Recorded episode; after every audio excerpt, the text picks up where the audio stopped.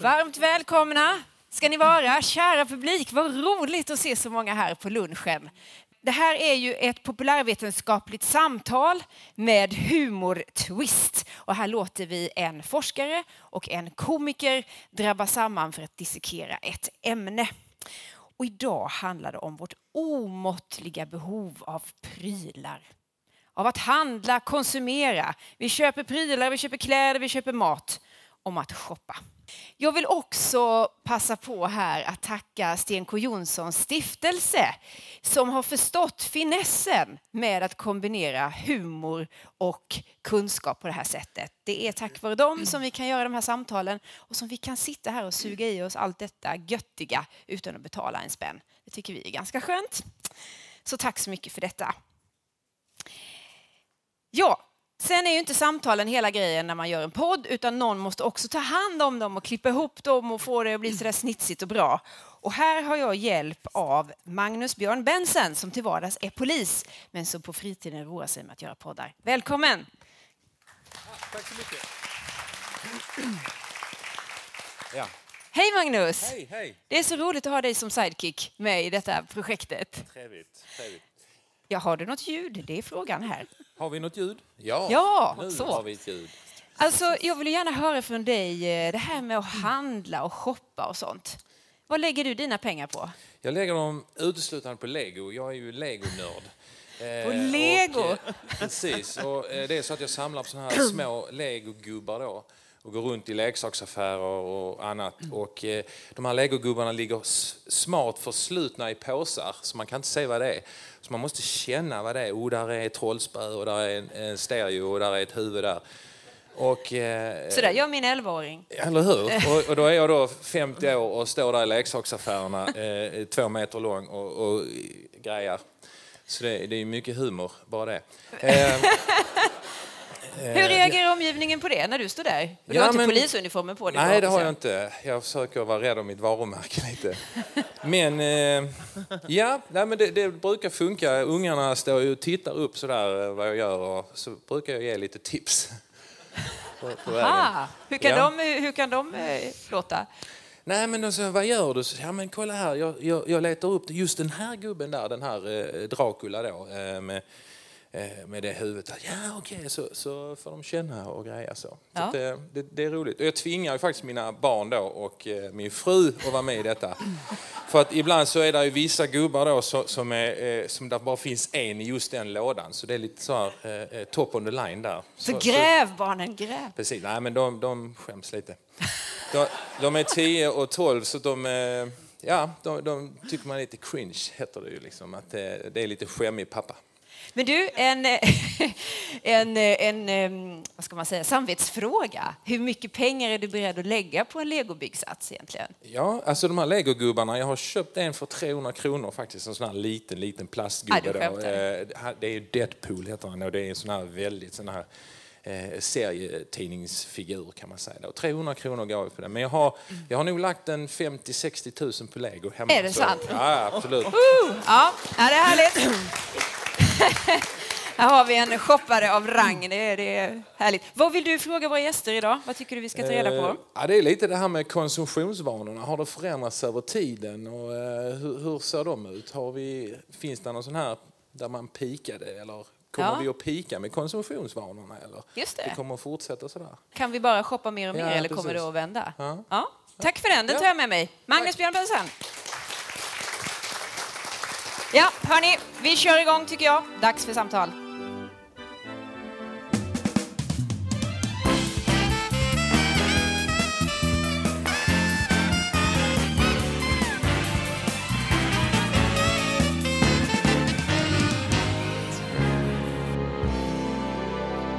Hushållens totala konsumtion 2016 uppgick till, håll i er nu, 1000 889 miljarder kronor visar forskning från Handelshögskolan vid Göteborgs universitet. Under tioårsperioden 2006 till 2016 så har konsumtionen ökat med 23 procent. Men det är inte riktigt den verklighet vi tror att vi lever i. För frågar man då konsumenterna själva så är deras upplevelse att konsumtionen har ökat med bara 2,3 procent. Här finns uppenbarligen ett glapp mellan verkligheten och hur vi har det. Någon har inte haft riktigt koll på sina kvitton, tror jag. Vi handlar mer av nästan allt. Och framför allt så handlar vi mer från producenter utomlands. Vi spenderar också mer och mer tid i köpcentrum och på restaurang. Det låter som att vi har det rätt så gött, eller hur? Och det har vi. Den självupplevda verkligheten, när man frågar eh, människor så, och enligt forskarna så har svenskarna aldrig varit mer nöjda med sina liv än 2016. Samtidigt så brinner jorden upp.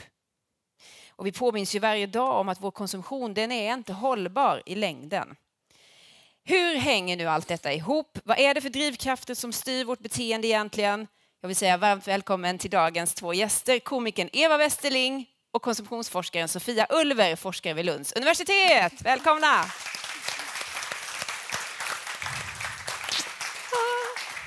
Hej, välkommen Eva. Tack, tack. Välkommen Sofia. Så roligt att ha er här. Tack så mycket. Vad tänker ni när ni hör Magnus polisen och hans shopping, eh, legoshopping? Ja, alltså nu känner jag Magnus eh, så pass och jag har sett honom också stå med... Nej, det har jag inte. Men, men, men jag, jag kan se det framför mig. Ja. Lycka till med det. Vi lämnar det där så länge. Jag tänkte jag skulle börja med dig, Eva, mm. och det här med att handla och så.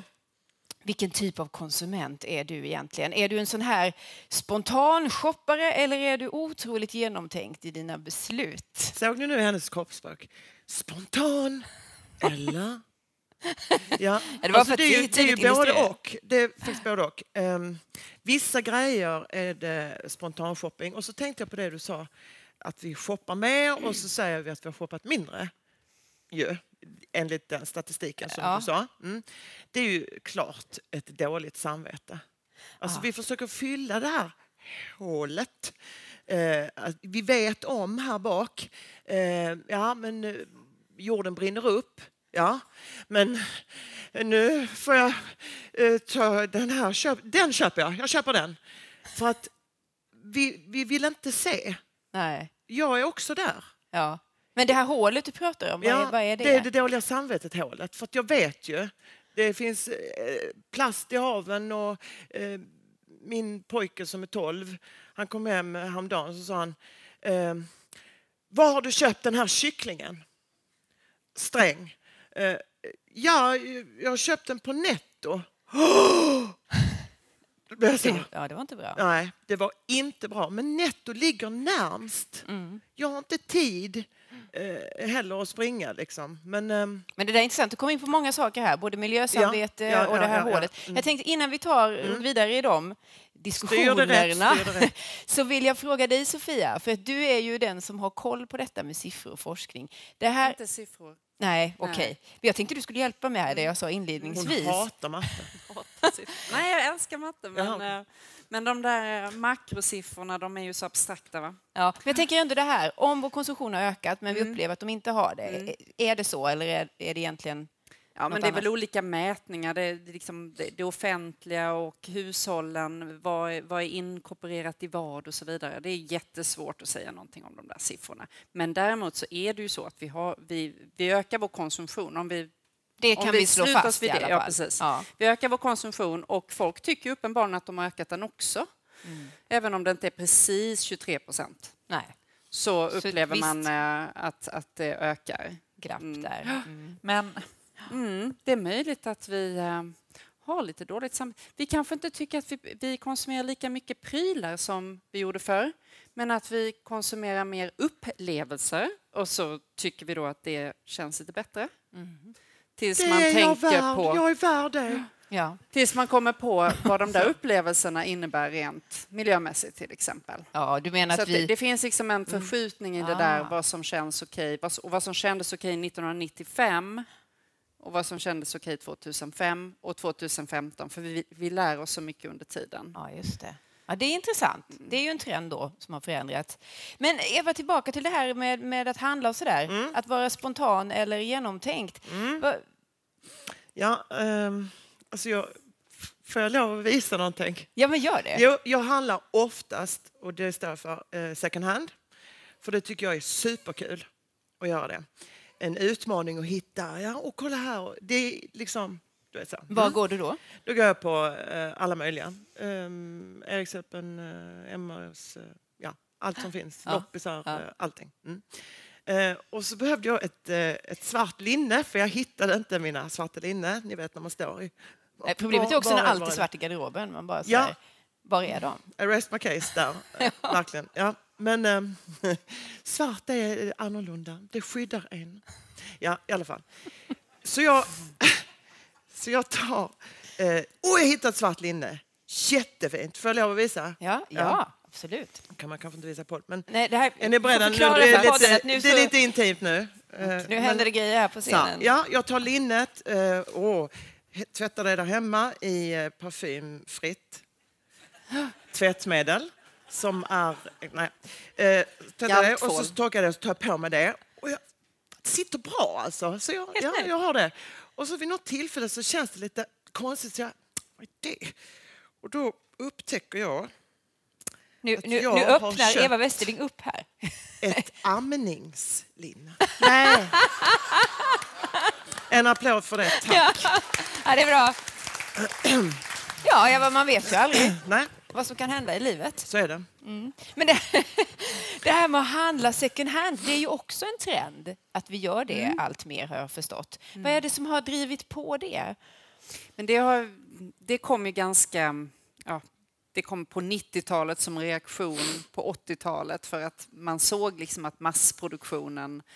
Alla kunde konsumera vad som helst och eftersom vi är som Tard säger då, eh, omedvetet imiterande varelser. Så vi säger att vi inte imiterar någon, men det gör vi ju. Och vi letar efter status i allt utan att tänka på det.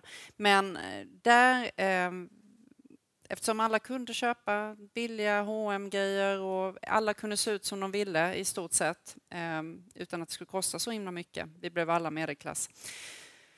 Med viss, inte riktigt sant, men ändå. Um, så blev ju second hand det enda sättet att sticka ut. Och det har ju varit så ända sedan dess. Nu är det ju inte riktigt ett sätt att sticka ut längre. Nej, nu alltså, går ju alla Nästan alla handlar på second hand och loppisar och det är ju en, snarare en norm än en, en unik. Praktik så att säga. Men har miljösamvetet drivit på den Ja, sen kom ju miljön man... på det då efter 2006. Ja. Så, så är det liksom en tipping point i vårt ja. beteende vad gäller att, um, att miljötänket blev enorm i sig och så lägg det till det då mm. så, så, blev det inte bara ett sätt att sticka ut och vara cool och autentisk som liksom har varit den stora feta konsumenttrenden sen eh, slutet av 90-talet. Mm. Så, så blev det. Mm. Intressant. Jag mm. tänker när man är känd som du är, Eva, du blir ju igenkänd av... Jag är så fruktansvärt känd. Ja. Alltså jag, det är så jobbigt. Ja.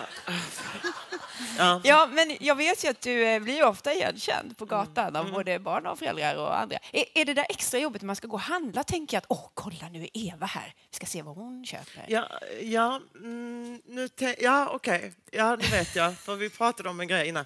Eh, när jag var på Erikshjälpen, ja. ja. Eh, och de volontärerna som jobbar där, jag älskar de volontärerna, de är så underbara så står det en volontär eh, och så här glor på mig. Och jag... Ehm, ja, till slut så... Han tar sats och han kommer fram. Det är du som är med, hipp hipp. Ja, vad trevligt. Ja, falköga där. Så, ja, jag tycker du är bäst, för du du är den enda av det gänget som kommer hit och handlar second hand. okej. Okay. Ja, ja, men då, jag, får, jag får ju ringa till, till dem och, och berätta. Ja, kan du göra det? Och så, så ger han mig sitt block. Kan du då samtidigt fixa autografer? Från de andra? Från de andra. Från de andra. Det, ja, men också, du vet. Ja, men han var jättekär. Han var jättekär. Mm. Ja, det är faktiskt så hej då! Alltså, vet, ja, jätte, jättefin. Så Så det, du kan inte alltid gå inkognito liksom och göra nej, det där? Eh, nej. Amnings-bh-inköp i fred? Nej, precis. Nej, det kan jag inte. Nej, tyvärr. Men Eva, det här med behoven då. Du mm. pratade om hålet innan. Vad, vad, är det vi ska mätta med att shoppa egentligen? Har du funderat på det? Ja, men det, det är, för mig är det lite det dåliga samvetet. Och sen också, och jag har eh, till exempel eh, en autistisk pojke hemma som är 16. Han är eh, stor fan av eh, gamla böcker. Egyptens matematik. Eh, gamla ja, men såna här eh, vet, teknik och vetenskap eh, som är skriven 1800. Ja, lite smal nisch. Ja, men så va. Och då hittar man det på antikvariat ja. eller eh, bokbörser. handlar jättemycket på ja, men Tradera, bokbörsen och, och sådana ja. grejer. Eh, så att han får sitt behov mättat. Mm. Och då är det, det är väldigt smart. Alltså det är som att du står och klämmer på de där legogubbarna. Man får leta, man får sätta sig in i det och så får man leta. Man får engagera hela familjen. Ja. Men, men Sofia, det här med, med um, vårt känslomässiga, liksom vad som styr när vi går och handlar. Vad, kan forskningen säga någonting om det? Är det shoppar vi på grund av ångest ja. eller glädje eller ja. att vi... Ja, precis ja, så allt, som du säger. Alla de sakerna. Ja. Men ähm, ja, jag, jag vill gå tillbaka till lite att vi, vi shoppar till för att vi ser vad vi ser omkring oss. Vi måste hela tiden vara i harmoni med det vi ser omkring oss okay. på något sätt. Vad betyder det? Vi måste relatera till det, vår sociala kontext. Um, om alla här hade gått runt i frack från morgon till kväll så hade jag till slut köpt en frack. Så hade ja. det varit, annars hade jag känt mig skitkonstig. Det hade inte varit så uppseendeväckande i Lund i alla fall. Nej, det hade det inte varit. Så det var, inget, det var inget bra exempel just i det här. Det kändes inte alls konstigt. För det, ni går ju alltid runt i frack här. Men, um, Nej, men det, det är allt, och det här med behov, alltså, det är jättehistoriskt mm. betingat. Min mormor behövde ju ingen amnings-bh. Hon hade Eller... inget behov av en, fast vi skulle säga, jo du hade behov men du visste inte det för den var inte uppfunnen. Hon hade inte behov av chiafrön eller, eh, eller tangatrosor eller eh, iPads eller, ja men ni vet, och hur kommer detta sig? Alltså, det är ju naturligtvis, alltså, det är ju hela tiden, vi skapar ju de här behoven so socialt, det fattar vi ju allihopa. Men eh, vi låtsas liksom lite som om det inte är så, utan nej, jag har behov av de här sakerna. Och det är otroligt mm. vad jag märker på mina barn, liksom, hur, hur, vad de har jättebehov av vissa ja. saker som jag vet att de inte har behov av. Ja. Det beror liksom mm. lite på eh, vilken kontext du är i Lilla fröken, känner jag det Det är där konflikterna ja. ofta mm. uppstår. Jag tycker det är så intressant det här med modetrender och så. Jag är i alla fall sån att när de först kommer, jag är sån här late adopter, brukar jag kalla mig. Och jag är fullständigt med dig. Ja, ja men sådär att man tycker att det här är fruktansvärt, jag kommer aldrig jag kommer aldrig vilja ha det här. Man, står man där två år senare. Ja. Och sen står man där, ja. fast då på rean. Alla andra har haft det tag. Så, ja, men jag måste ha det här. Ja, och får du köpa en sån udda storlek. Ja, ja. Men vad är, alltså det där är ju intressant. Hur görs den förflyttningen psykologiskt? Kan man säga något om det? Ja, det är vad du ser. Det är det. Vad du ser, hör, läser, det, är så det, det låter lite för, som en lite för enkel förklaring, men, men så är det. Alltså, vi är mimetiska, vi imiterar, vi, uh, vi, plockar, vi är så otroligt känsliga för vad vi har omkring oss. Eh, små, små nyanser, vad människor säger, små, små sätt folk tittar på oss, eh, hintar om där var jag tydligen inte så cool och där var jag tydligen inte... Här passade jag inte riktigt in och där förväntade de nog mig sig att jag skulle vara lite mer festklädd eller åh, här, här skulle man ju haft det här på sig eller det. Så det är det här med mm. tillhörighet? Tillhörighet och ändå kunna sticka ut. Men, men det här med att sticka ut handlar med att du relaterar alltid till din omgivning. Och sen hur du relaterar, om, om du kanske vill sticka ut väldigt mycket, då har du ändå relaterat till de där frackarna. Sen om du väljer att sätta på dig clown, som du gör i ditt jobb ibland, sätter på en clownnäsa, ja men då sticker du ut mm. i bland frackarna. Liksom. Så där vill vi balansera mm. detta. Eva, ditt mm. mest lyckade köp? Eh, lyckade köp? Mm. Um, ja, vi kan prata om det mest misslyckade. Det är ja, ja, nej, men vänta, du kan välja det är jättemånga. Nej, men jag har um, ni vet P Pigga Peggy? Nej, Nej, det var inget bifall på den. Nej, okay. Nej men skor. Ja, ja. Mm. Mm. Eh, då, då köper jag ett par kängor där och så eh, varar de hela hösten och hela vintern och hela fram till jag måste ta dem till våren. Ja. Alltså det, då är det hållbart ju, kan man Ja, ju säga. mm. Ja, men sen går dragkedjan sönder. Så de tycker jag är lyckade, de köpen. När det håller länge. När det håller länge. Mm. Eh, men misslyckade köp, får jag säga. Ja, absolut. Jag köpte ett par, det var bara för att jag inte köpte second hand, jag vet det. Men jag såg ett par randiga eh, byxor, de, hög midja eh, och så såg jag mig själv framför mig. Det var bara det att det var fel bild. Jag, alltså jag, jag hade fel struktur i huvudet. Vad var, det du, vad var det du såg? Jo, men jag såg att det var... Det såg jättebra ut i den. Så, har ni inte upplevt det också? Absolut. Alltså man ser någon, ja men de här, och så ser man sig själv, ja men de här. Det var lite 50-tal, lite så här eh, sailor, eh, randiga så här byxor. Så kommer jag hem och så tar jag på mig dem. Och så ser det ut som en sprucken korv. Fast två och bara, va? Det var helt fel. Och så skulle jag lämna tillbaka dem. Hittade jag inte kvittot. Nej. Nej, den är ju sur. ja, det är så misslyckat. Jag blir galen på mig Ja, själv. det är då man får öppna en egen second hand-butik. Ja, nästan kan jag inte förlåta mig. Men jag, förlåt mig. Förlåt. Ja, men det där är ju svårt, liksom. den egna bilden och verkligheten när Ja. det inte riktigt går ihop. Eh, Första augusti så inträffade Overshoot Day. Då tog jordens resurser slut, så att säga. Nu lever vi på lånade resurser resten av året. Jag tycker det där är en ganska bra bild att ha med sig. Jag vet att det har forskats en del på detta och jag tycker det är intressant. Hur har den här miljömedvetenheten påverkat vårt sätt att konsumera? Vi har varit inne på det lite grann. Men kan du säga någonting mer om det, Sofia? Mm, miljömedvetenheten som då, jag nämnde ett årtal innan, där det verkligen började hända saker. Där alla blev medvetna och det var faktiskt samma år som Al Gore kom ut med den här filmen In, An Inconvenient Truth. Ja, just det. Så, var, så satte det fart. Det fanns, tidigare än det fanns det massa rapporter från FN och så vidare. och så vidare. Och stora institut och pensionssparfond och så vidare var igång. Men det var inte förrän då företagen verkligen började ta det på allvar. Och när företagen började ta det på allvar att oj, det här kommer konsumenterna vilja ha, då gäller det att, eh, att ta tag i det nu så vi kan bli first adopters och first mover advantage och allt vad det heter.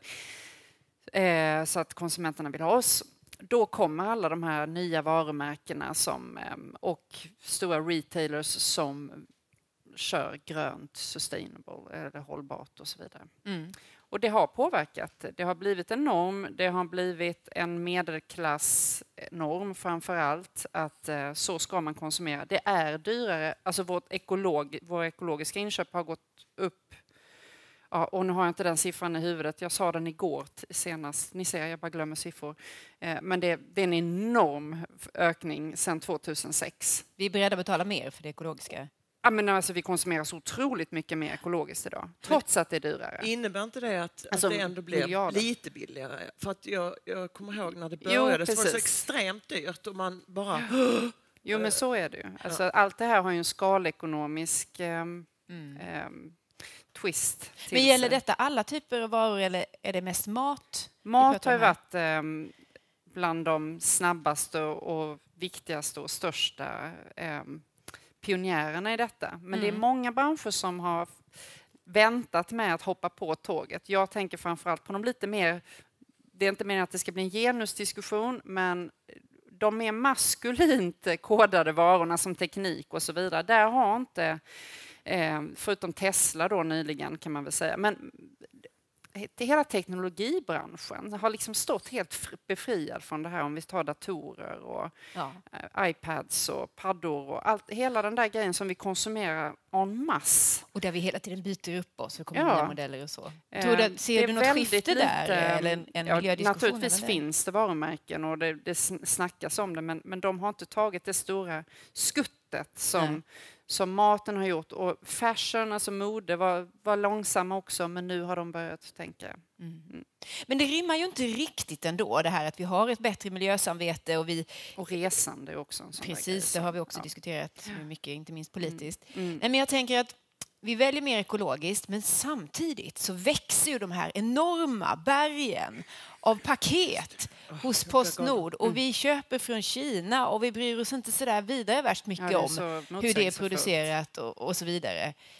Hur kommer det sig att vi har såna sådana motsatser i trenderna? Ja, det, och det är det läskigaste med allt. Överhuvudtaget sen 90-talet har vi varit väldigt noggranna med att vi ska börja vara väldigt ansvarstagande här och ja, ända sedan 50-talet att vi ska ta ansvar för våra arbetare och för våra, vår arbetsmiljö. Men vi struntar lite i det vi handlar från Asien, ja. hur de har det där. Visserligen liksom säger vi att vi bryr oss och, och det finns policy och dokument och så vidare. Men det är så skönt att det sker där borta för att där kan de ha minimilöner som ser ut som ja, mm som, jag skulle tror, aldrig jobba för dem så att säga. tror du att det där kommer att hinna ikapp oss på något sätt? Att det kommer bli en diskussion om det? Ja, det är ju hela tiden diskussion om det inom konsumtions, i konsumtionsforskning och så där är det ju alltid och i kritisk, eh, kritiska konsumenter är på det där hela tiden. Men det är som att det är, det är liksom en, en global eh, dissonans som är svår att hantera. Det har liksom hela globaliseringen att göra, så det är väldigt svårt. Ja, nu tycker jag det blev lite tråkigt, dålig stämning här nu. Ja. det blir lite dålig stämning. Men jag tänker, en, en effekt av det där det är ju alla emballagen. Ja, jag kan bli tokig där hemma när man nu försöker sopsortera och sådär. Plasten, Helt liksom. Helt knäckt. Hur gör du, Eva? Alltså, jag sorterar. Ja. Jag, jag försöker verkligen.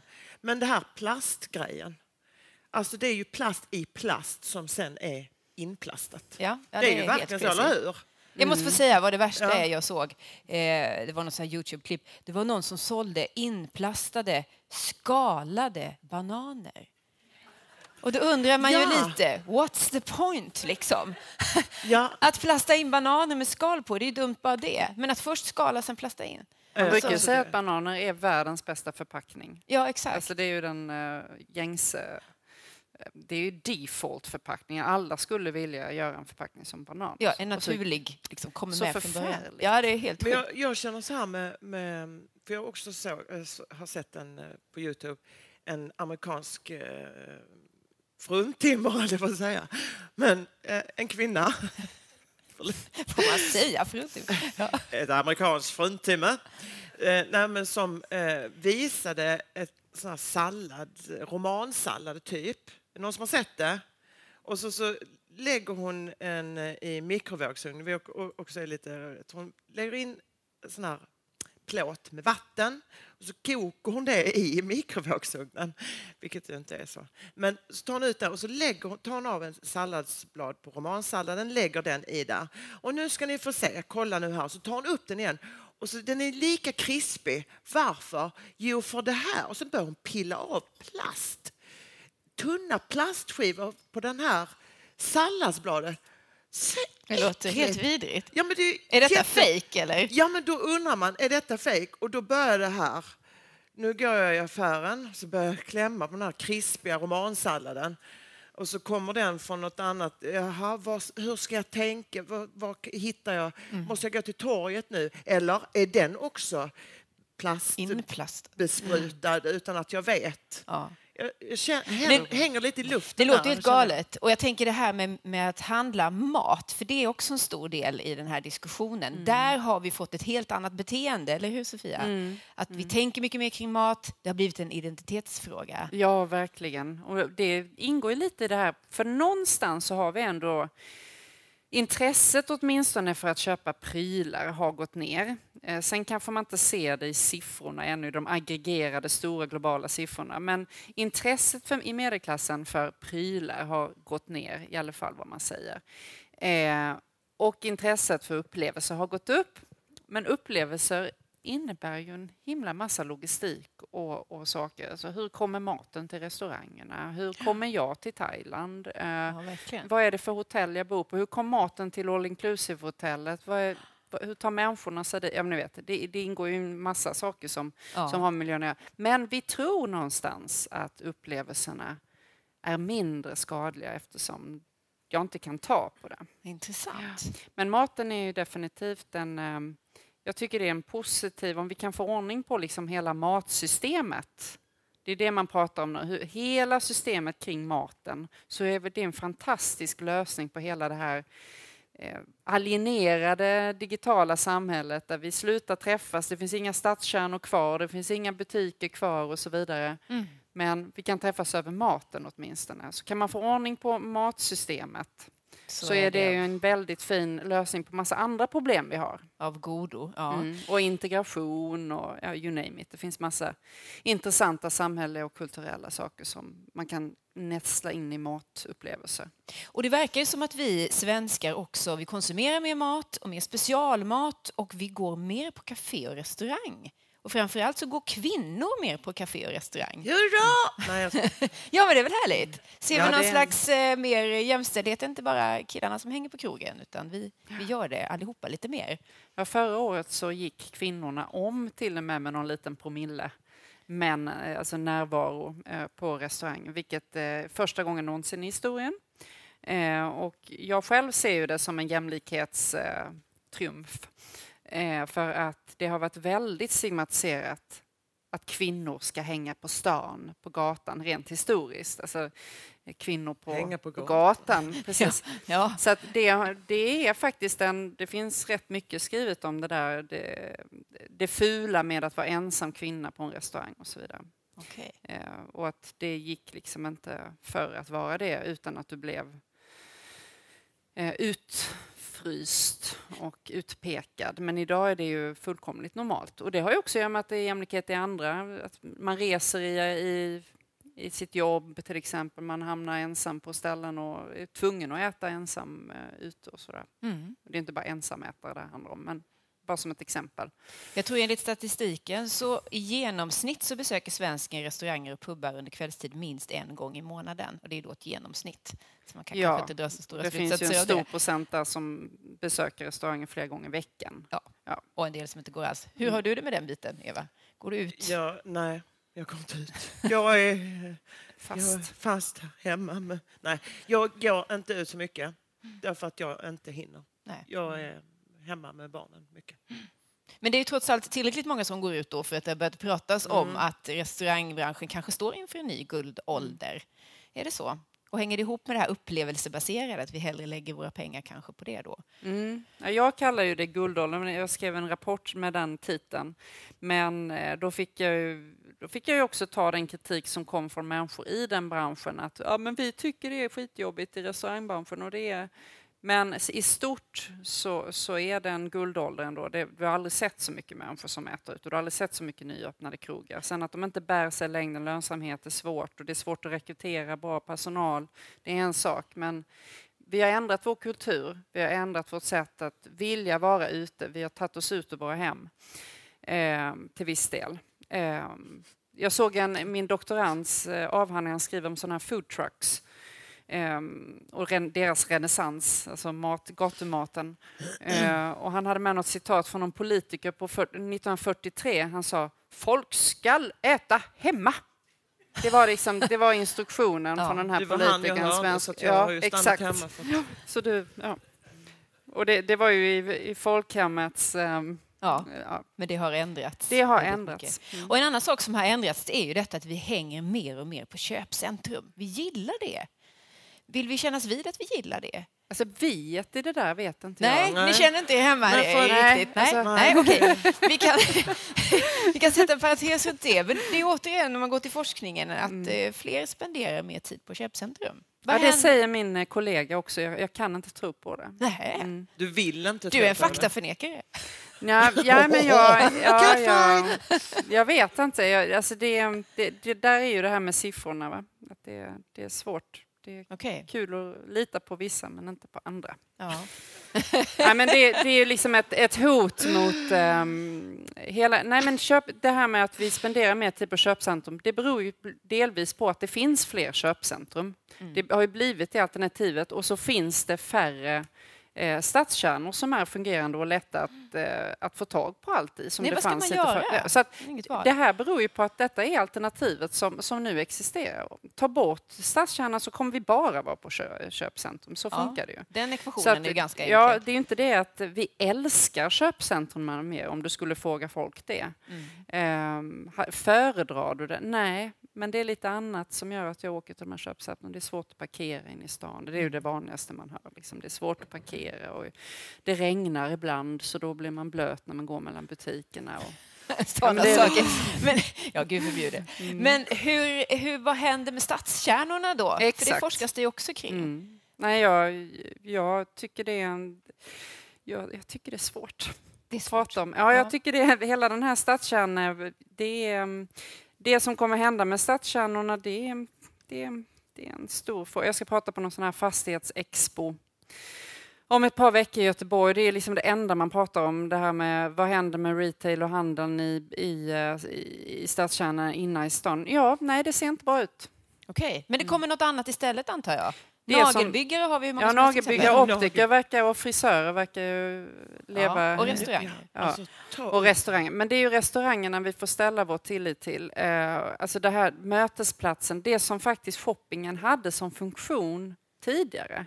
Det fanns någonting fortfarande på 70-talet när jag var liten så var det ändå så att man åkte till, och på 80-talet åkte man in till stan, mm. för att, eller gick in till stan beroende på hur långt man För att där hände det ju saker, där var det ju liv, man träffade folk och sa hej och så.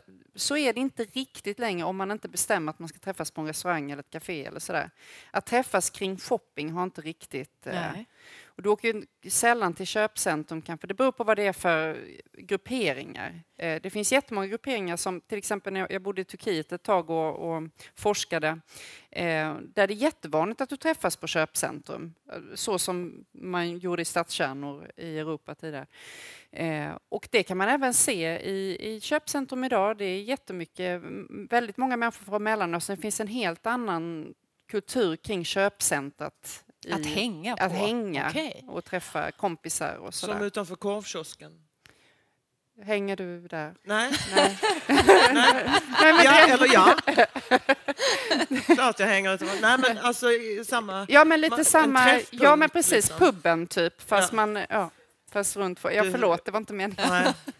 men, du och jag. Ja, innebär det här att våra stadskärnor kommer att bli mer, eh, inte döda, det är väl att ta i kanske, men att det blir... Eh, Få en annan karaktär ja, helt okay. men alltså, Detta det är ju något... mycket med fastighetsägarnas eh, ansvar. De som... Finns det inte något innovativt i att kombinera till exempel nagelbyggarrestaurang. Ja. Exakt. Alltså, mm. Exakt. Blir inte det någonting? Gud vad ja, bra. Man sitter så. Jag hörde faktiskt att Google, det här är lite spännande, de har byggt, byggt ett nytt kontor. Där kan man under tiden som man är på något tråkigt möte så kan man få sina naglar gjorda. Det är faktiskt ja, sant. Det är ju... Så, är ja. redan det är liksom, så det är på gång. Det kommer säkert. Jag tänkte vi kan inte ha ett sånt här samtal utan att också prata om reor. För det hör ju till konsumtionens absoluta höjdpunkter. Och jag har en känsla av, jag vet inte om ni i publiken delar den, att vi har inga reor längre. Det är rea jämt. Mm. Eller? Ja, men så är det. Så är det. Ja. Mm. Det där liksom som var förr, när man stod där på annandagen och, och liksom... Det är nästan så jag oh. längtar till, eller jag, jag, saknar den där när man fick... Mm, mm, och stod, drog med någon tant liksom. Ja och försökte armbåga sig fram. Och såg och så sa man ja och så var man jättelycklig. Exakt. Nej, det är inte riktigt samma inte. kamp Nej. längre. Nej, Nej. Men ska vi försöka reda ut det där? Har vi reor som vi hade förr eller har det där förändrats? Alltså, ja, nej, jag håller med dig om att de försvinner. Men det, ur ett kritiskt perspektiv igen eh, så, så beror det ju på att numera så bygger man in reorna redan innan när man skapar kollektion. Om vi tar mode till exempel så har man redan byggt in det i produktionen. Så man räknar, nu ska vi göra 20 procent som vi ska ha till rean sen och de här ska göras till rean. Och så. Ja, men hur gjorde man innan då? Innan så var det ju det som blev över som blev rea och sen så Aha. upptäckte man ju liksom att oj, det där kan vi bygga en hel struktur över kring. Okay. Så att det har ju liksom inkorporerat. Därför känns det inte heller som en äkta rea, eller hur? Nej. Nej. Blir vi lurade också? För det är mycket snack om det där att man sätter... Ja, men det är ju priset som rean har som är det, som är det rätta priset. Ja. Kom ihåg detta. Vi. Man ska ja. aldrig det har skrivits en avhandling om detta just nu från, eh, från Lunds universitet. Hon heter Cecilia, jag har glömt vad hon heter i efternamn. Men hon har uh, skrivit just om detta. Kan uh, rekommendera. Mm. Mm. Om vi skulle titta lite i kristallkulan då. Vad tror ni att vi kommer att få se mer av och mindre av i framtiden när vi pratar om konsumtion och shopping. Vad kommer hända? De nya generationerna mm. som kommer, hur kommer de att agera jämfört med hur vi gör idag? Vill du eller jag? Eller? Jag hoppas, jag hoppas att eh, eh, det som min son kom hem och sa, att medvetenheten mm. ökar. Att, eh, ja, faktiskt det. Att mm. den ökar och att man ser vad som verkligen är. Mm. Ja, det är en helt annan inställning. Mm. Men det där är ju två huvudspår i det här. Antingen så kommer vi gå uppoffringsivrarnas väg eller teknikoptimisternas väg. Jag är lite raljant i båda fallen. Eh, även om jag själv befinner mig lite mer på uppoffringsivrarnas sida. Jag tror att vi måste uppoffra saker och jag tror nog att din son där eh, att de unga, om de yngre generationerna är med på att uppoffra lite av de, den standard och de, eh, ja, de bekvämligheter som vi har haft i alla, sen, sen 60-talet kan man väl säga. Att gå lite längre än till netto. Nästa ja. gång, va? Får du göra. till exempel. Ja. Och tvätta för hand och torka håret med att någon... Ja, men, du vet, det är men, massa saker ja, man Men uppoffringar, måste det betyda att det blir besvärligare, jobbigare? Det kan väl kan det inte vara nya innovationer och nya... Jo, men där har du teknikoptimister som säger du kommer inte behöva uppoffra någonting, utan all, vi löser allting med tekniken. Okay. Det kommer ju vara någon gyllene medelväg där i verkligheten, tror jag. Mm. Men eh, vi måste nog också, vi kan inte bara lita på att tekniken ska lösa det här. Vi kommer behöva regleringar, vi kommer behöva politiska beslut, vi kommer behöva en, en kulturell eh, uppoffring. Och vi kommer behöva se över våra inköp från Kina kanske. Ja, men det där är ju en uppoffring i sig att jag kommer inte kunna köpa saker så billigt längre. Nej. Jag får köpa färre saker, uppleva lite färre saker, uppleva på ett annat sätt. Eh, men det, det, är ju det, det tycker vi är så självklart som sitter med det här hela tiden, men det låter väldigt politiskt när man säger det. Mm. Och då blir det plötsligt liksom känsligt och kontroversiellt. Men mm. för de flesta människor som forskar kring någonting som har med det att göra så är detta rätt så uppenbart. Superintressant tycker jag. Vad tycker ni? Väcker många tankar. Jag vill säga stort tack till Sofia Ulver och Eva Westerling. Tack så mycket. Tack.